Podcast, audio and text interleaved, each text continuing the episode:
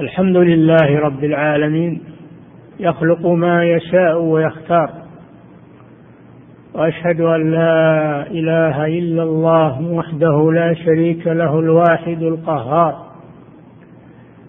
وأشهد أن محمدا عبده ورسوله المصطفى المختار صلى الله عليه وعلى آله وأصحابه البررة الأطهار. المهاجرين منهم والأنصار. سلم تسليما كثيرا.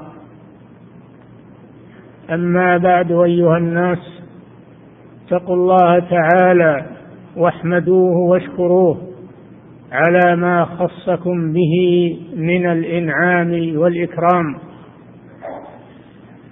وقد خصكم الله سبحانه وتعالى بفضائل كثيرة. وخيرات غزيرة في دينكم ودنياكم.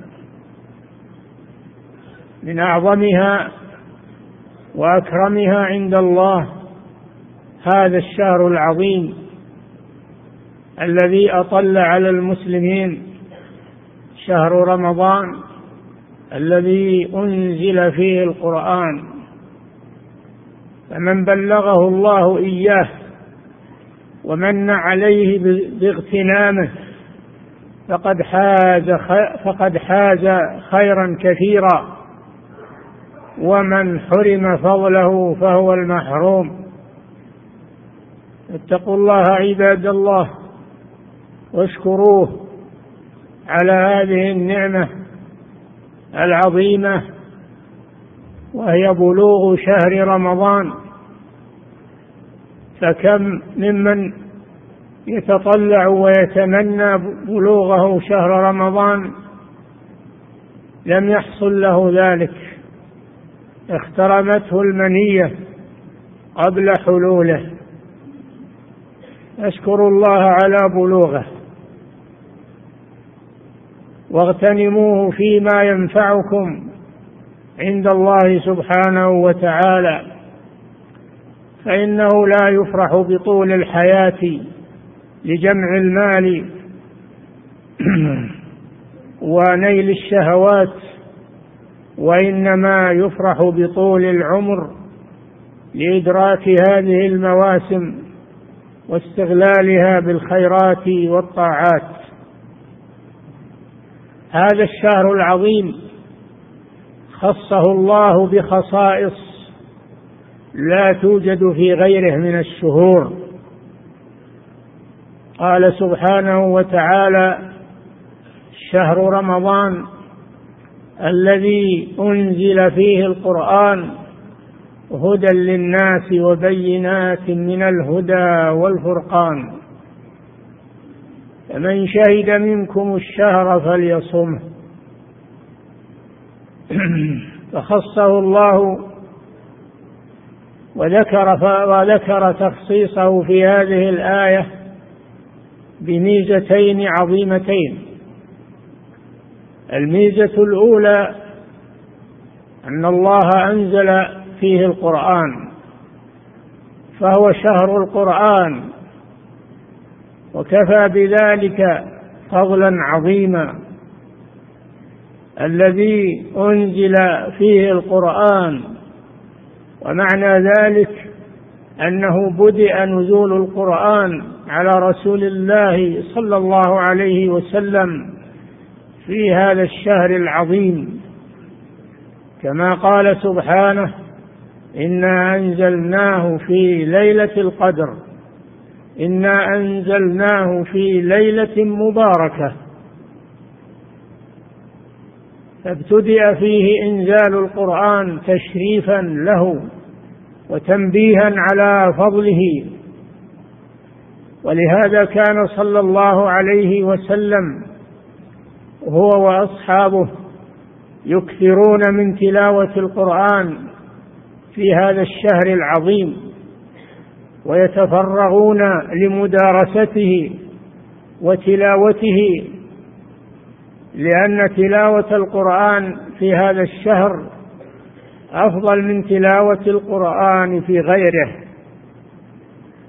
ومن فضائله أن الله جعل صيامه أحد أركان الإسلام أحد أركان الإسلام الخمسة التي بني عليها الإسلام. قال صلى الله عليه وسلم بني الإسلام على خمس.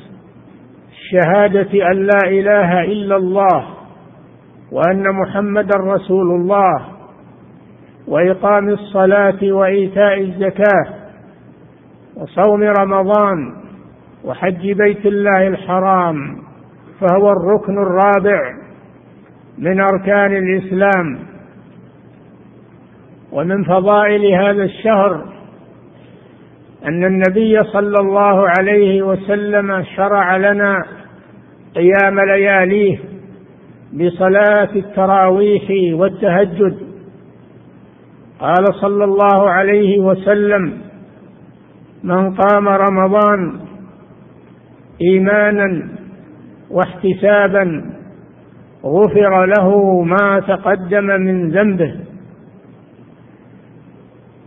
فيمتاز هذا الشهر تمتاز لياليه على غيرها من الليالي بأنها يستحب ويتأكد قيامها بصلاة التراويح وما يزيد على ذلك من صلاة التهجد في آخر الليل.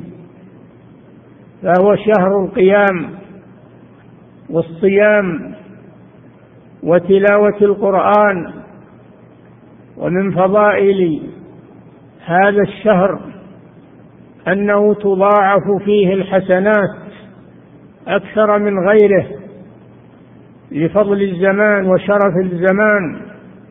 الحسنات تضاعف عند الله في هذا الشهر. وقد قال صلى الله عليه وسلم ولخلوف فم الصائم أطيب عند الله من ريح, من ريح المسك. كل عمل ابن آدم له. الحسنة بعشر أمثالها إلى سبعمائة ضعف إلا الصيام. قال الله تعالى الصوم لي وأنا أجزي به. ومن فضائل هذا الشهر العظيم أن الله خصه بليلة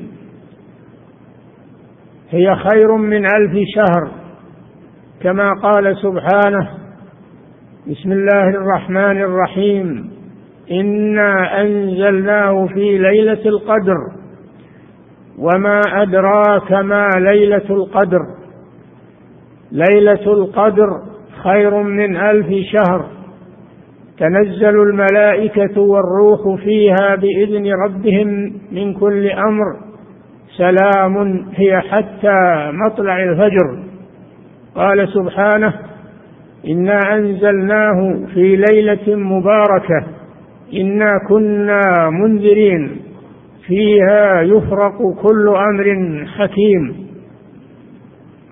فهي ليلة عظيمة قيامها خير من قيام ألف شهر وهذا دهر طويل. مما يدل على أن الحسنات تضاعف في هذا الشهر أكثر من غيره وهذه الليلة أخفاها الله في هذا الشهر فلا يدرى في أي ليلة من لياليه من أجل أن يجتهد المسلم في كل ليالي رمضان من أوله إلى آخره. حتى يضمن أنه أدرك ليلة القدر. أما من اهتم ببعض الليالي من رمضان دون بعض فلا يضمن أنه أدرك ليلة القدر فلعلها تكون في الليالي التي لم يجتهد فيها. من فضائل هذا الشهر أن الله سبحانه وتعالى يضاعف فيه الصدقات والإحسان وإطعام الطعام. قد كان صلى الله عليه وسلم يبشر أصحابه بقدوم هذا الشهر فيقول أيها الناس قد أظلكم شهر عظيم مبارك. أظلكم أي حل بكم ونزل بكم شهر عظيم وصفه بالعظمة مبارك وصفه بالبركة مما يدل على عظم هذا الشهر. فليحمد الله كل مسلم من الله عليه ببلوغ هذا الشهر. فيغتنمه في طاعة الله سبحانه وتعالى. وبأنواع العبادات من صلاة وصيام وصدقات وتلاوة للقرآن العظيم تسبيح وتهليل وتكبير فيغتنم أوقاته يغتنم أوقاته كلها إلا ما يستريح فيه يغتنمها كلها في طاعة الله سبحانه وتعالى قائما وقاعدا وعلى جنب ومضطجعا وعلى جنب في كل أحواله. لا يغفل عن ذكر الله في هذا الشهر ولا يضيع ساعة من ساعاته إلا ويغتنمها في طاعة الله. إما أن يجتهد فيها بالطاعة وإما أن يعزم أن يعزم عندما يستريح وينام يريد بذلك التقوي على صيامه وعلى قيامه فيكون له الأجر حتى في نومه إذا نوى هذه النية المباركة. فعلى المسلم أن يحمد الله أن يحمد الله أولا على بلوغ هذا الشهر وأن يسأله أن يمكنه من اغتنامه وأن لا يحرمه فضله كما يحرم كثيرا من الناس الذين الذين غفلوا عن فضائله ولم يهتموا به. أيها الإخوة قدروا هذا الشهر حق قدره. وعظموه حق تعظيمه كما عظمه الله سبحانه وتعالى واحترموه واستغلوه بطاعة الله عز وجل. لا تفوتوا شيئا منه بغير طاعة الله ولا تغفلوا عن ذكر الله. أعوذ بالله من الشيطان الرجيم. ولا تطع من أغفلنا قلبه عن ذكرنا واتبع هواه. وكان أمره فرطا. بارك الله لي ولكم في القرآن العظيم. ونفعنا بما فيه من البيان والذكر الحكيم. أقول قولي هذا وأستغفر الله لي ولكم ولجميع المسلمين. فاستغفروه إنه هو الغفور الرحيم.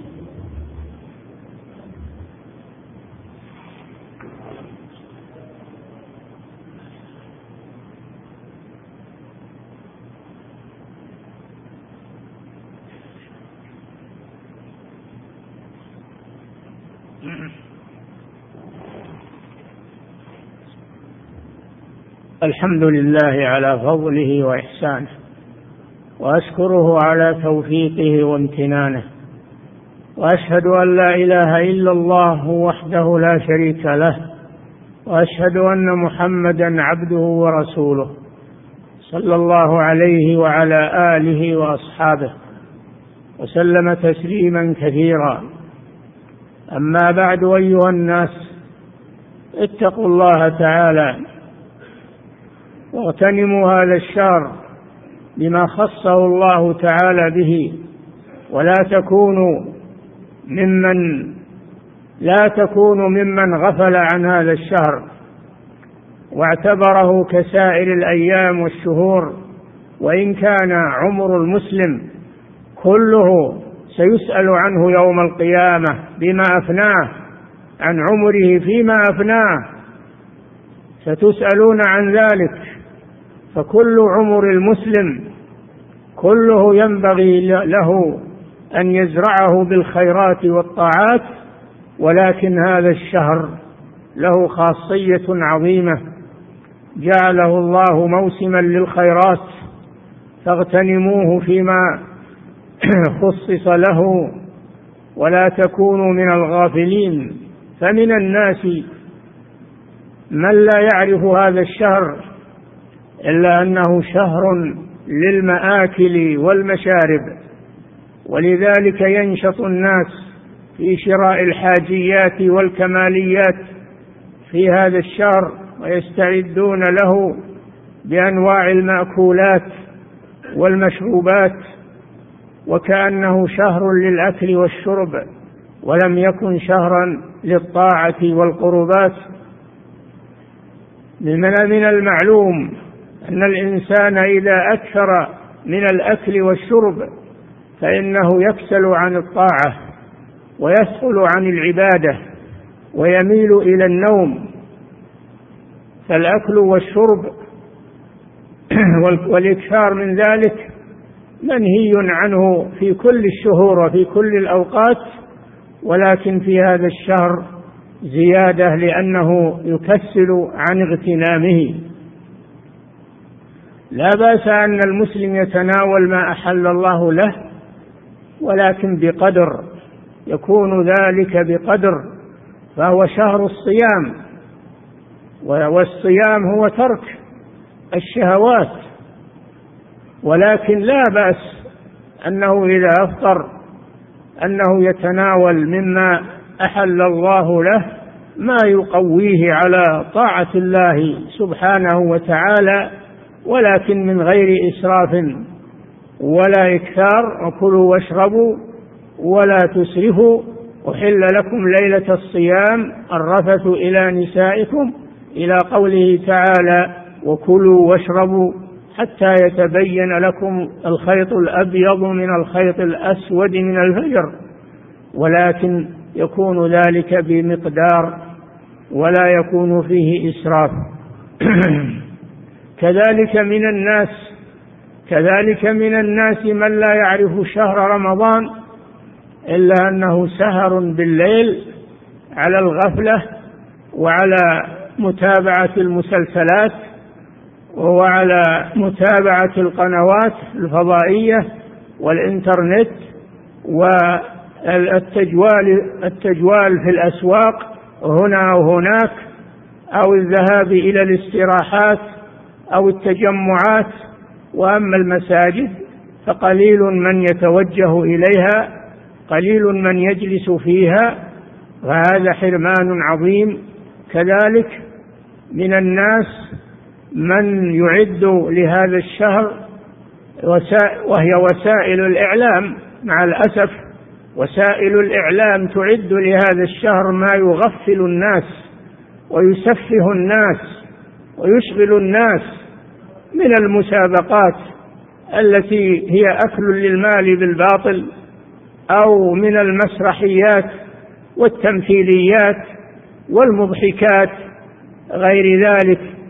كان الذي ينبغي ويجب أن تكون وسائل الإعلام أن تكون وسائل الإعلام وسائل توجيه ووسائل تنبيه على العبادة وعلى فعل الخيرات ولا تكون وسائل تغفيل وتسفيه للناس لكن نرجو الله أن يوفق القائمين عليها بتعديلها وتصحيح مسارها حتى تكون وسيلة حتى تكون وسيلة خير ولا تكون وسيلة شر وتغفيل للناس وتسفيه للناس.